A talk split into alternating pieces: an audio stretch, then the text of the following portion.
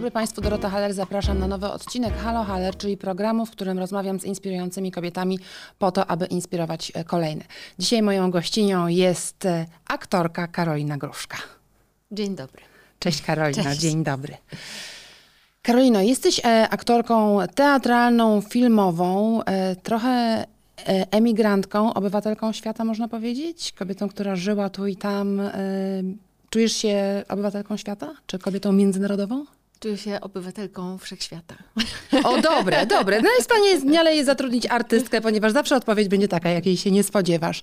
Nie, ale poważnie mówię, mieszkałaś w Rosji, twój mąż jest Rosjaninem, e, uprawiałaś tam zawód aktora, co wydaje się, że zawsze ten akcent jest e, no, pewnego rodzaju wyzwaniem, niezależnie od tego, czy jesteś cudzoziemką pracującą w Hollywood, czy Polką pracującą w Rosji, zawsze słychać trochę, czy publiczność słyszy jakiś zaśpiew. No tak, ja, ja grałam rzeczywiście w teatrze przez kilka lat tam Y, i ten akcent nie był problemem i, i wiem, że dla publiczności rosyjskojęzycznej nawet był przyjemny. Ten taki po- polski jakiś element jest, y, bo to różnie bywa. Ale to już od, od nas nic nie zależy, to po prostu jest y, kwestia tego, jak inni ludzie to słyszą, władający językiem. E, Natomiast ja, że w ogóle mi się tak, wiesz, życie zawodowe układało do tej pory, że, że sporo gram w różnych językach. Nie tylko po rosyjsku. Po rosyjsku mówię, więc jest mi bardzo łatwo Łatwiej, grać po, tak. Mhm. po rosyjsku. Jest mi stosunkowo łatwo grać po angielsku. Ja mówię trochę po francusku, więc jeszcze też, ale już trudniej, bo mam mniejszą praktykę na co dzień. Ale ja też gram w językach, których ja w ogóle nie mówię. To to jest jakaś, to, to- jest w ogóle sobie nie wyobrażam tego. Czyli uczysz się fonetycznie na pamięć, czy jest to dubbingowana rola jakoś, bo to Nie, nie, się. nie dubbingowana. Nie dubbingowana. I ja grałam jeszcze w takich hardkorowych językach. Po islandzku, po kazachsku, po uzbecku, Nie, no to jest hardcore prawdziwy. jidysz. I no to polega zazwyczaj na tym, ja tak, bo każdy ma jakąś swoją metodę, Mhm. że ja pracuję z coachem, który mi y, tłumaczy słowo po słowie, co oznacza. Mhm. Y, Potem mi pokazuje, jak się akcentuje mniej więcej zdania, żeby Mhm. to miało sens i żeby to jakoś coś znaczyło. To, co chcemy, żeby znaczyło. Dalej on mi nagrywa raz powoli bardzo, żebym ja się osłuchała, zrozumiała, Tak. jak się wymawia, a potem już w normalnym tempie, tak jak się mówi. No i ja z tym materiałem pracuję, a potem jeszcze wpuszczam w to jakieś swoje emocje i, to, i to, jest jest, to ciekawe. że to jest najtrudniejsza rzecz na świecie dla aktorki. Nie. To Nie? nie, jest najtrudniejsza A co jest rzecz na najtrudniejsza świecie. To jest ciekawe. Aha. To jest ciekawe, bo każdy język ma inną trochę energię i co innego się w aktorze uruchamia. I w jednym języku jesteś bardziej delikatny i miękki i, ym, i jakiś taki spokojniejszy nawet, a w innym języku masz po prostu nagle jakąś taką antyczną energię w sobie. No kazachskie, te wszystkie... No to takie coś wertykalnego bardzo się uruchamia, że ja miałam takie momenty, że się czułam jak jakaś wiedźma, która odprawia jakieś czary, jak mówiłam w tym języku. Bardzo to jest ciekawe. Wiesz, ale ciekawe, no bo aktor, aktorka, nie wiem, przypuszczam, no interpretujecie tekst i to jest pewnego rodzaju postać, którą grasz. I nagle grasz w języku, którego totalnie nie rozumiesz, e, który jest obcy właśnie fonetycznie, te różne ch, dziwne dźwięki. E, to jest potrójna robota. No to na pewno jest duża robota. I minus tego jest taki, i to jest ważny minus jednak, e, przy tych wszystkich ciekawych rzeczach, o których mówiłam, minus jest taki, że nie zaimprowizujesz. No tak. Nie No, zaimprowizujesz tekstu, możesz zaimprowizować jakieś zachowanie, Tak. natomiast nie zaimprowizujesz tekstu.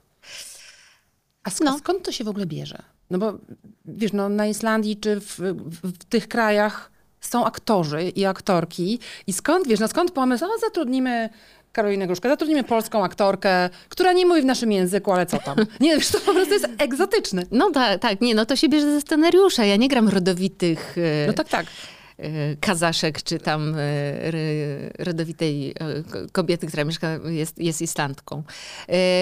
Ja gram osoby, które z jakichś powodów tam przyjeżdżają i zazwyczaj to są bohaterki, które żyją tam już jakiś czas, w Tak. związku z czym władają językiem nieźle, natomiast mają jakiś tam swój akcent. No ale z tyłu sklepu skąd te castingi?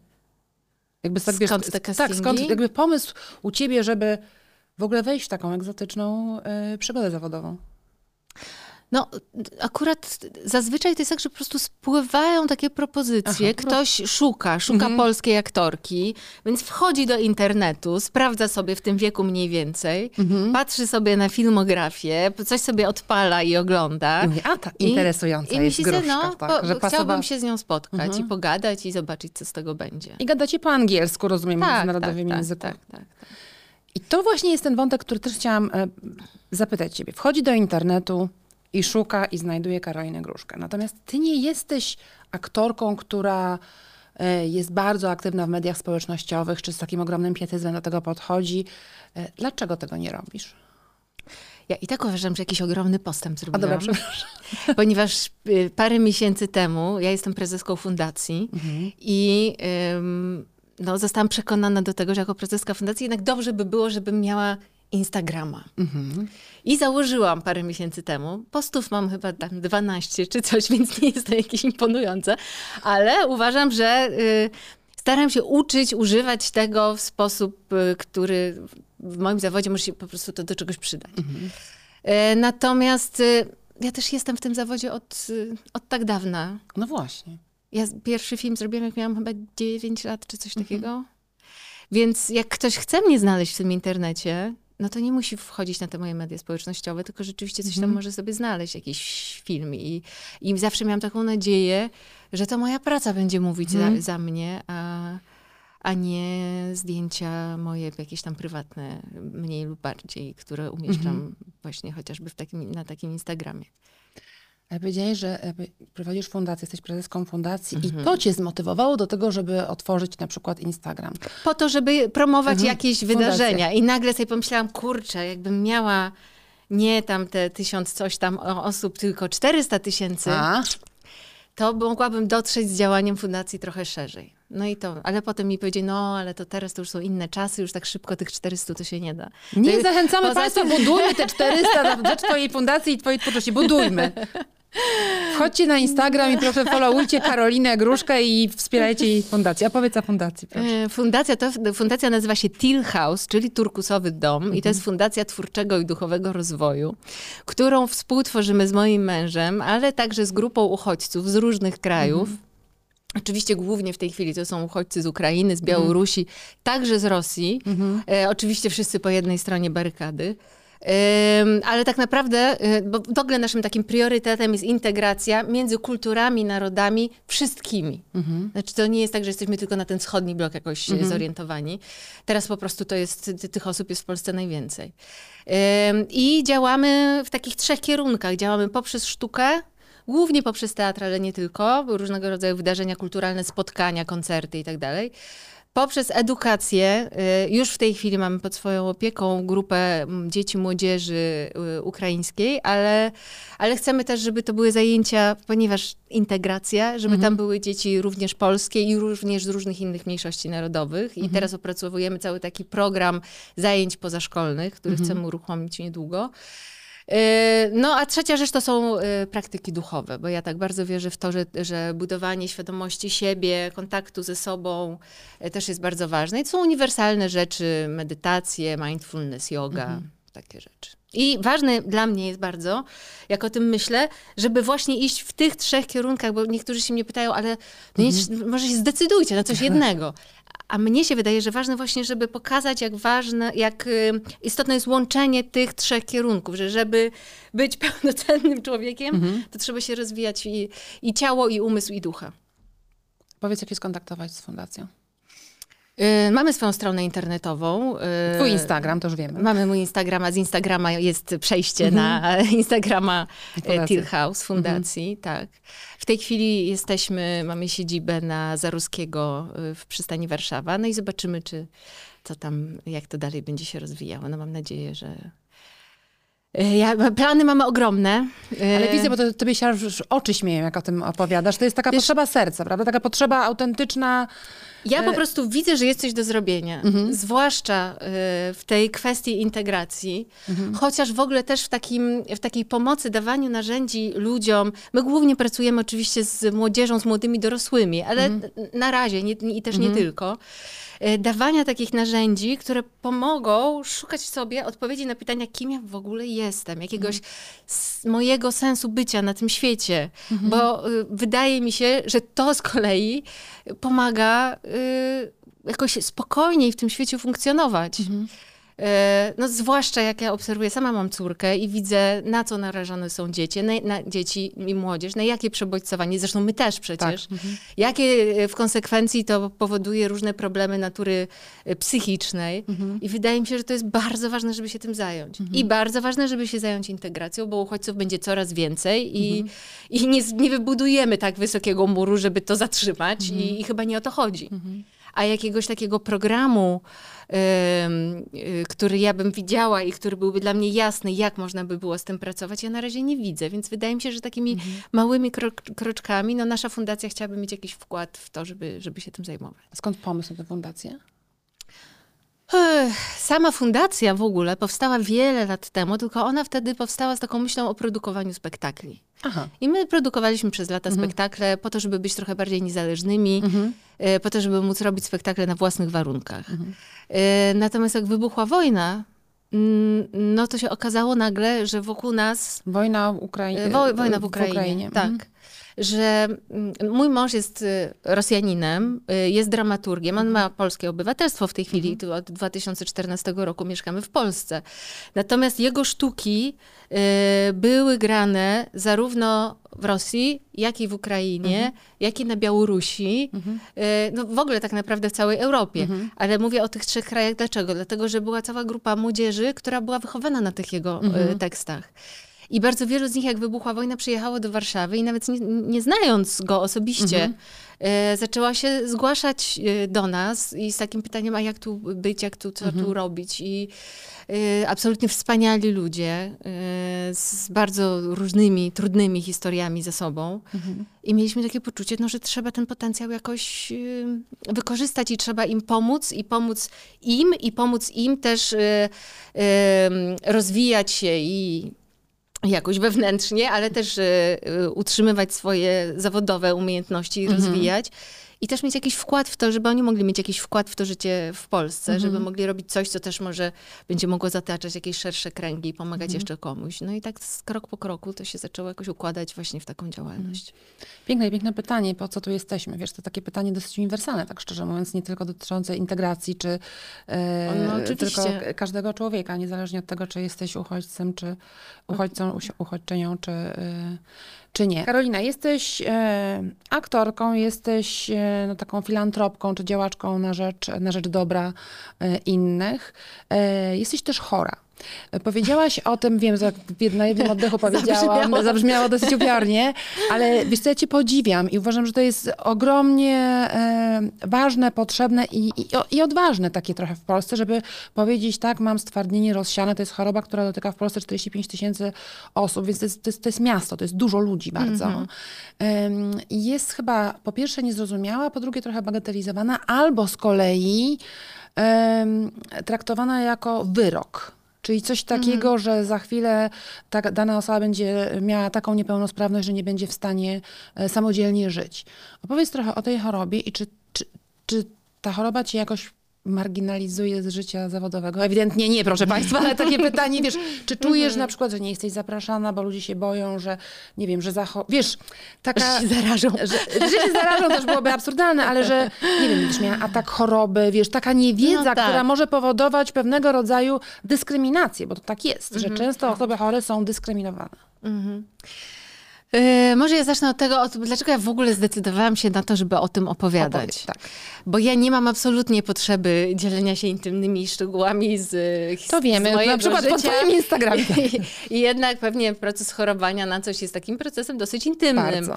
Yy, ja jestem z natury introwertyczką, więc raczej staram się yy, takich rzeczy unikać. Natomiast tu wydało mi się, że to jest super istotne i może być pożyteczne właśnie dlatego, żeby odczarować tę chorobę i żeby uświadomić y, nam wszystkim, że to jest zupełnie inna sytuacja niż była jeszcze 20 czy nawet 10 lat temu. A czy nawet, on to się zmienia bardzo dynamicznie. Mhm. Pewne rzeczy e, wyjaśniły się i jakieś znalazły swoje pozytywne rozwiązanie w lipcu mhm. tego roku. Mhm. E, a mówię o tym, że e, te najbardziej nowoczesne leczenie e, jest od lipca dostępne za darmo właściwie dla każdego, kto jest po pierwszym życiu choroby. Aha, Co, czyli w ramach refundacji może się leczyć. W ramach refundacji tak. za darmo można te naj, najlepsze, najnowsze mhm. leki w tej chwili w Polsce dostać. Więc Polska wreszcie stała się krajem przyjaznym dla osób z, ze stwardnieniem rozsianym. No i teraz o co chodzi? Właśnie, o co chodzi? o co chodzi? Mi jest łatwiej, bo stwardnienie rozsiane ma dwa, są dwa rodzaje. To bardziej popularny i to też, na które ja choruję, to jest ta postać rzutowo-remisyjna. Czyli jest rzut choroby, Y, One, ten, ten rzut może być bardzo różny, bo to mogą być zaburzenia związane ze wzrokiem, z koordynacją, Drętwieją, z czuciem tak, ciała, z mhm. jakimiś mrowieniami, y, poczuciem y, równowagi, zaburzenia równowagi i tak dalej.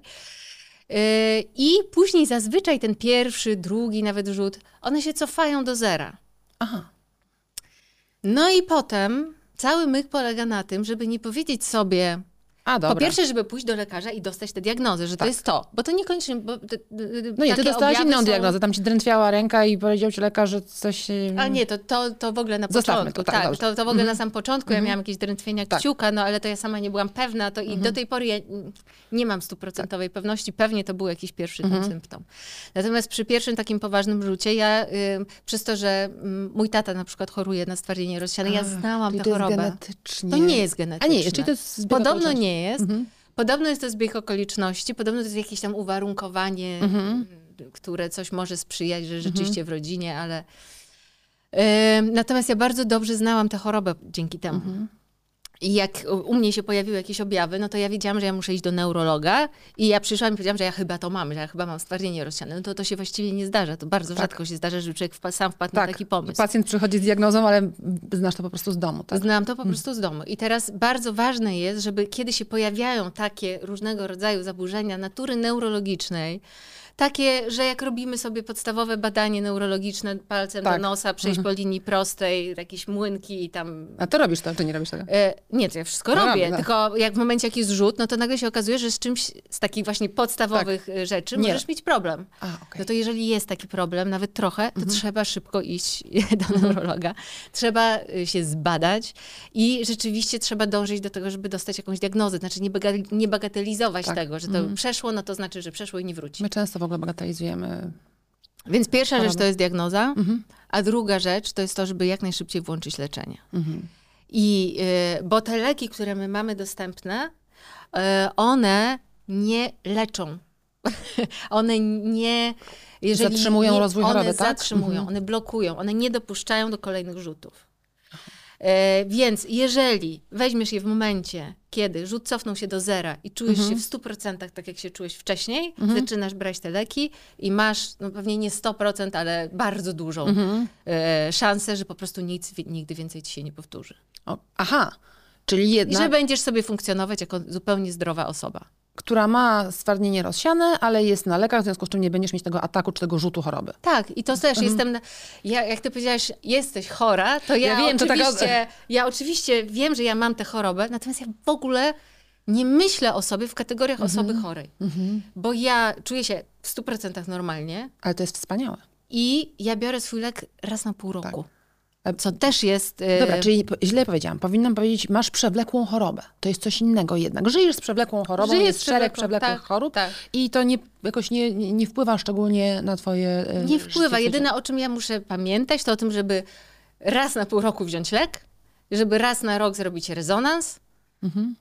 Jakieś tam badania krwi są przy okazji, no ale to wszystko z NFZ-u jakoś Tak. tam się jest i tyle właściwie. No oczywiście, że jak się mm, doświadczy, jak się ma świadomość tego, że taką chorobę y, przewlekłą się ma, Tak. no to człowiek trochę bardziej może zaczyna o siebie dbać. Tak? A zaczęłaś bardziej się dbać? Mi się wydaje, że ja już wcześniej w miarę Mhm. o siebie dbam, natomiast rzeczywiście to, co, nad czym ja zaczęłam dużo myśleć, to jest poziom, ilość stresu w moim życiu. Bo jednak też dieta, jesteś wegetarianką, prawda? No tak, ale to byłam Ty- wcześniej wegetarianką. Czyli stres, czyli żeby nie, do, nie bodźcować się tak strasznie, o czym mówiłaś. Żeby być czujnym na takie momenty, bo ja tak lubiłam tak już, wiesz... Podkręcić śrubę. Mhm. I mimo tego, że się stresowałam, mi się wydawało, że jak ja wezmę na siebie jeszcze więcej, to że to jest przekraczanie granic, że to jest odwaga Mhm. i że to mi pozwala iść jakoś Mhm. jeszcze, jeszcze gdzieś w jakieś kierunki, których ja nie znam. I częściowo to jest prawda. Mhm. Tylko trzeba być bardzo, czu- bo, bo w lęku też nie ma nic złego i fajnie jest z tym lękiem pracować i rzeczywiście nie y, pozwalać, żeby on nas paraliżował i, i sprawiał, że nie podejmujemy jakichś odważniejszych decyzji. Ale Co innego jest taki lęk, a co innego jest jakiś permanentny stres. Mhm. Który jednak powinien, któremu ja uważam, że trzeba się zawsze przyglądać i jak coś takiego się pojawia, to jednak próbować tam drążyć, gdzie jest to źródło Mhm. i czy to na pewno musi w ten sposób wyglądać. Tylko czy my nie jesteśmy teraz trochę tak głodni tego stresu? To paradoksalnie brzmi, ale wiesz właśnie, że przekraczać granice i szybciej, i dalej, i lepiej. Trochę współczesny świat tego od nas wymaga, szczególnie w twoim zawodzie. Tak myślę, że w zawodzie, wiesz, z jednej strony artystycznym, ale z drugiej strony takim, że bez przerwy trzeba gdzieś być i bez przerwy trzeba coś robić. Jak nie sztuka, to serial, jak nie serial, to film. W tej chwili wszedł twój najnowszy film do kin. No to jest taka pogoń bez przerwy. No, ja myślę, że po prostu każdy musi nauczyć się swojego Tempa. organizmu. Mhm. Swojego organizmu. Ja lubię adrenalinę. Mhm. Ja lubię, jak się dużo dzieje. E, ale na przykład ja nie lubię się stresować. Mhm. Ja nie lubię budzić się z tym takim czymś. I to uważam, to wiem, że to dla mojego organizmu nie jest Nie jest dobre. dobre. Mhm. To nie znaczy, że mi się to teraz nie zdarza, bo mi się zdarza. Tak, oczywiście. Tylko jak mi się to zdarza, to ja zaczynam jednak szukać możliwości mm, wyeliminowania tego właśnie czegoś, bo to czuję, że jest destrukcyjne. Mhm. Natomiast rodzaj takiej adrenaliny i podekscytowania jakiegoś i, i poczucia jakichś nowych wyzwań jest super. No ale właśnie a propos stresu. Wszedł teraz No. do kin dosłownie kilka dni temu Święto Ognia, twój ostatni film, w którym grasz. Czy to jest stres, kiedy jesteś na planie i de facto grasz? Czy to jest stres, kiedy już jest premiera, ten moment, kiedy publiczność zobaczy e, ciebie i film, w którym grasz? Nie, to w ogóle nie są te stresy. Co w ogóle nie są te stresy? To w ogóle nie są te stresy. Ja kocham uprawiać swój zawód. Aha. Ja kocham być na planie. Aha. E, Ja oczywiście trochę się stresuję pierwszego dnia, kiedy jeszcze nie wiem, e, co to... Nowa co, jak ekipa, ta, nowe Wszystko, tak, tak. Ja jako introwertyczka to też, żeby się jakoś w tej grupie odnaleźć i tak dalej. I w ogóle, czy to, co sobie wymyśliłam na tę rolę, jak to zadziała, w ogóle Mhm. jak z partnerem coś. To, to są takie... Ale to nie jest ten rodzaj stresu, o którym ja mówię. Ja mówię o takim. Chorym stresie, Mhm. przytłaczającym stresie, tak, tak, tak. Który dla mnie nie, nie, nie wiązał się z samym uprawianiem tego zawodu. To znaczy bardzo często to były jakieś rzeczy około zawodowe, Mhm. to była jakaś nieumiejętność czasami powiedzenia nie w momentach, kiedy wiedziałam, że, że są rzeczy, które po prostu nie są zgodne ze mną, Mhm. a mi się wydawało, że może jeszcze, Że, że że, powinna że, się może, albo a, że... że coś. Mhm. No. To i tak, tak mnie nauczyło dużej asertywności. No. Powiedziałeś dwukrotnie, że jesteś introwertyczką, wykonujesz jeden z najbardziej ekstrawertycznych zawodów na świecie. E, Tak mi się przynajmniej to wydaje. jest- Wiesz, no bycie aktorką, ja rozumiem, no jesteś cały czas na świeczniku. Ta- To jest taki zawód. Mhm. Jesteś permanentnie poddawana ocenie publiczności, No. bo to jest taki zawód. Y, I jak, skąd pomysł na to, żeby być aktorką, będąc introwertyczką? Chociaż wielu aktorów No właśnie, no nie odkryjemy in- tutaj jakiejś wielkiej Tak.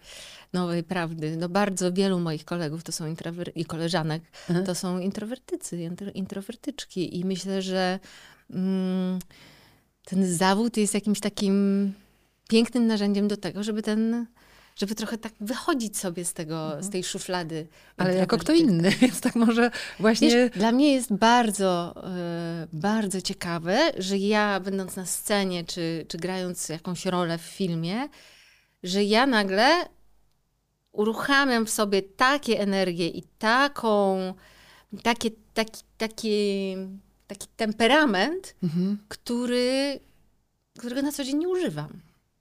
Bo, bo nie czuję potrzeby, bo, bo, bo gdzie indziej jest moje Mhm. centrum. E, a, ale jest to bardzo ciekawe, móc spróbować trochę inaczej. Móc trochę e, zbliżyć się do emocji, które na co dzień się we mnie spontanicznie nie uruchamiają, bo uruchamiają się inne. Mhm. Ale to jest ciekawe powiedziane. To, twoje centrum zawodowe czy artystyczne, no ale później idziesz do sklepu, jesteś rozpoznawalną, popularną aktorką. Ludzie cię zaczepiają. Czy to jest, em, wiesz, no, a twoje introwertyczne, inne centrum mówi y, dziękuję, wolałabym tego nie mieć? Czy Mm?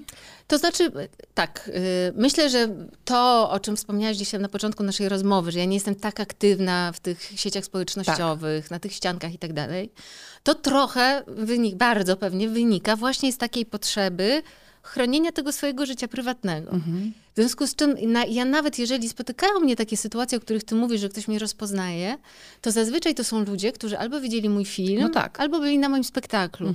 I zazwyczaj to są bardzo miłe spotkania. Oczywiście może być tak, że ja akurat mam doła i nie chcę z nikim rozmawiać, albo jestem zmęczona, albo coś. E, ale mimo wszystko to nie jest ani, ani jakieś nachalne, ani nieprzyjemne. Zazwyczaj to są spotkania, które mnie jakoś pozytywnie doładowują en, en, e, e, energetycznie, emocjonalnie, bo też umówmy się, ludzie, którzy przychodzą na mój film i myślą sobie, ale ona beznadziejnie zagrała. Jak zobaczą mnie na ulicy, no to raczej do mnie nie podejdą, prędzej przejdą na Pani drogi. Karolina zagrała pani beznadziejnie. Tak, tak czyli to są na ogół gesty sympatii, prawda? Tak, Więc tak, i to jest tak. e, Bardzo miło. miłe, szczególnie w tym zawodzie, który też jest takim zawodem, że robisz to dla ludzi po to, żeby No ludzie tak, też mieli tak. jakieś emocje i, i cenili twoją pracę. Karolina, czy ty jesteś feministką? To ja myślę, że, że każda kobieta dzisiaj współcześnie jakiś taki rys w sobie odnajduje i ja też go w sobie No niestety odnajduję. myślę, że nie każda. Ubolewam, bardzo bym chciała, żeby każda. No może masz rację, może masz rację, ale wydaje mi się, że jak tak świadomie popatrzeć na to, co, Mhm. co, jak to wygląda, jak wygląda sytuacja kobiet, czy, czy w, w Polsce na przykład, e, no to trudno się nie utożsamić e, z tym z pojęciem feminizmu. Natomiast e, no dalej to jest pytanie o to, jak rozumiemy feminizm. Tak, i każdy z nas oczywiście. go rozumie troszeczkę inaczej.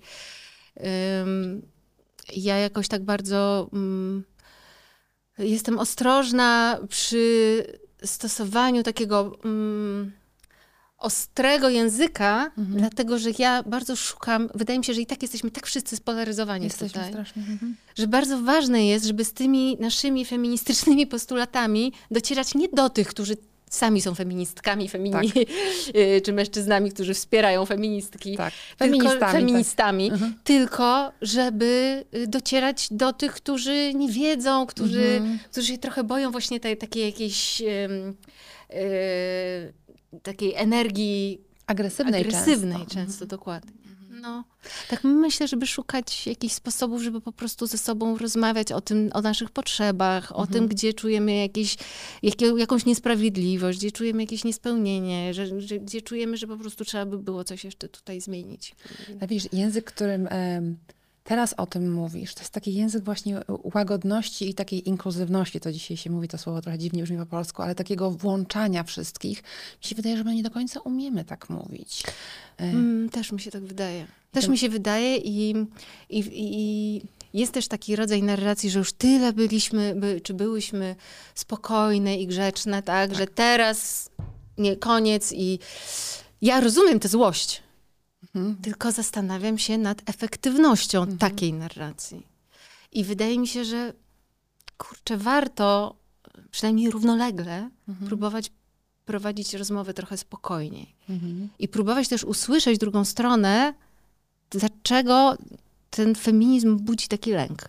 Co konkretnie? Bo jak tak się zastanowić Tak. nad tym logicznie, no to właściwie No tak fundamentalnie feminizm jest o tym, że kobiety i mężczyźni są równi. E, tak w jednym zdaniu. No właśnie, więc, Mhm. więc dlaczego, dlaczego jest taki opór z tej drugiej strony? I żeby spróbować o tym porozmawiać, żeby jakoś się spotykać i no, ja jakoś bardzo wierzę w to, w, ta, w taki rodzaj rozmowy i ciągle w, w niego wierzę. Właśnie widzisz, twoja wrażliwość taka artystyczna e, tu przemawia. Być może e, wrażliwość aktywistek i aktywistów jest bardziej agresywna i ta agresja jest niepotrzebna. Ja myślę, ale... że aktywistki też są bardzo potrzebne, Mhm. tylko każdy z nas pełni jakąś rolę i widzi siebie w jakiejś roli. Tak. Ja, ja czuję, że moja rola jest trochę inna, że ja jednak bardzo, bardzo, bardzo chciałabym poprzez dialog i bardzo, bardzo Mhm. chciałabym poprzez jakąś taką, takie świadome budowanie tego dialogu i spokojne, Mhm. spokojne. Bo ja jakoś wierzę w to, że żeby druga osoba mogła cię usłyszeć, to najpierw w ogóle trzeba się zobaczyć jak człowiek z człowiekiem, Mhm. który w sumie w środku gdzieś ma bardzo coś właściwie takiego samego. Mhm. Taką potrzebę w środku, to taką samą. Znaczy, że gdzieś Tak, jest- jak popatrzymy sobie w oczy, to jest coś takiego, Mhm. to już To nie jest tobą i mną, że jesteśmy łączy, już tak, my. tak. Mhm. No. Wiesz, ale tak patrząc już, ponieważ ja jestem po tej stronie aktywistycznej, Mhm. em, bardziej. Staram się, zgadzam się z tobą i uważam, że ta agresja jest niepotrzebna i polaryzuje i tylko powoduje jeszcze większego jeża, że nawzajem się jeżymy i to zamiast dialogu i pójścia krok w przód, to się cofamy. Natomiast, wiesz co, no są niesprawiedliwości takie też w twoim zawodzie. W Polsce tego może, może mniej, nie wiem, ale że kobiety aktorki zarabiają mniej niż mężczyźni aktorzy za podobną rolę, że jest dyskryminacja ze względu na płeć. E, no w biznesie jest, jest luka płacowa, to w ogóle nie ma o czym mówić. Po prostu ona istnieje.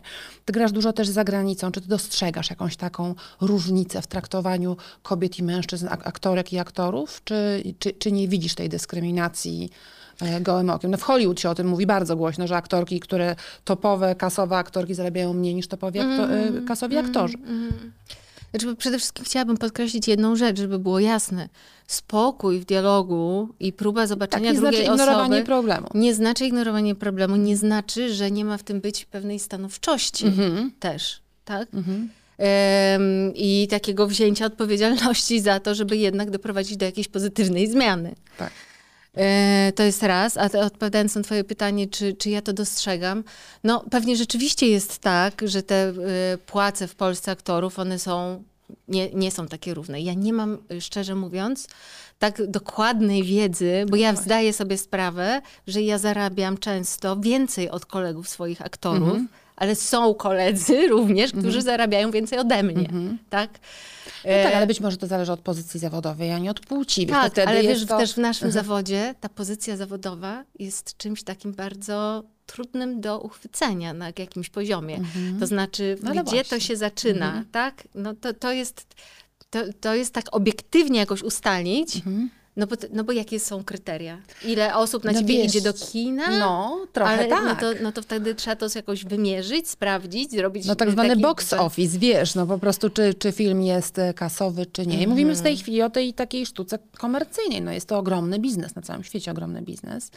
E, więc no gwiazdy powodują to, że chodzimy do kina na te gwiazdy. Czy do no. teatru, bo to... No, e, ale to jest bardzo... inni mówią, że to właściwie też nie zawsze tak jest. No więc mhm. to, to jest ja takie... Wiem. Tru, y, trudne. No. No, jeżeli chodzi, ja widzę jakiś ogromny postęp i bardzo mnie to cieszy, jeżeli chodzi o, o to, y, ile jest ról dla kobiet, że to się jakoś zmienia, że tych ról jest mhm. więcej. Ciągle mam wrażenie, że jest ich mniej, ale jednak jest, mhm. jest ich więcej. Mhm. Że więcej reżyserek robi filmy. Tak. Widziałaś Barbie? Widziałam Barbie. Ja nie jestem fanką tego filmu, mhm. akurat. Ja nie jestem akurat fanką tego filmu. Cieszę się, że jest taki sukces komercyjny, natomiast dla tak, mnie... reżyserki i film, który uchodzi tak. za film pro tak, ale, ja... ale powiedz, to, to, to, powiedz twoje wrażenie e, aktorki polskiej o totalnie spektakularnie ja mam, filmie, wie, wie, wielkim ja mam, sukcesie wiesz, Ja akurat, mhm. Y, jak oglądałam ten film, miałam, miałam wrażenie uczestniczenia w wielkiej y, reklamie tak. lalki Barbie mhm. i w no próbie tak. dorabiania do tego feministycznej ideologii. ideologii. Mhm.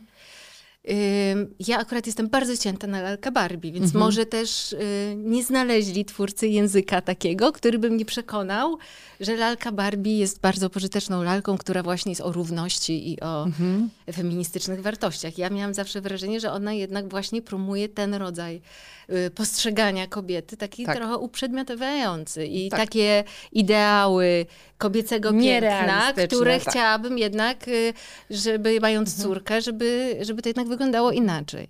I ten film absolutnie nie zmienił mojego zdania na ten temat, aczkolwiek uwielbiam i Ryana Goslinga tak. i Margot Robbins i oczywiście widzę ogromną pracę, która tam została mhm. włożona w ten film od mhm. strony scenograficznej i tak dalej. Natomiast strony takiej myślowej jest to film mi obcy. Mhm. Ale to wiesz, to jest bardzo ciekawe zobaczyć, cały świat się zachwycił. Też uważam, że to jest film absolutnie marketingowy. Po prostu jest to totalnie wspaniały. Wspaniały, ale genialny marketing. tak. Cały świat, sieci handlowe produkowały t-shirty, tak. sieci fast foodów produkowały tam, nie wiem, hamburgery czy cokolwiek innego. Cały świat oszalał. To jest naprawdę też taka umiejętność biznesowa, żeby zrobić na skalę światową tego typu e, kampanię marketingową. Jakie ty masz plany zawodowe, e, feministyczne lub nie, na najbliższy czas? No teraz bardzo Państwa zapraszam na Święto Ognia Kingi Dębskiej do mhm. kin, mhm. bo film jest i myślę, że, że wyszedł taki film i wzruszający i I taki bardzo jasny. I myślę, że, że coś dobrego niesie. No właśnie, opowiedz trochę o tym filmie, bo teraz mamy bardzo ciemne czasy. Mhm. Właściwie pod każdym względem. Mhm. Wojna w Ukrainie, w tej chwili wojna w Izraelu. Y, jakby świat idzie w kierunku, który nas przeraża. Kryzys tak. gospodarczy. Wszystko jest i kino też y, bywa bardzo trudne. Ostatnio Zielona Granica. No to, to są, szczęście, że są filmy, które są poruszają. Filmy różne. Tak, tak, tak, oczywiście, że tak.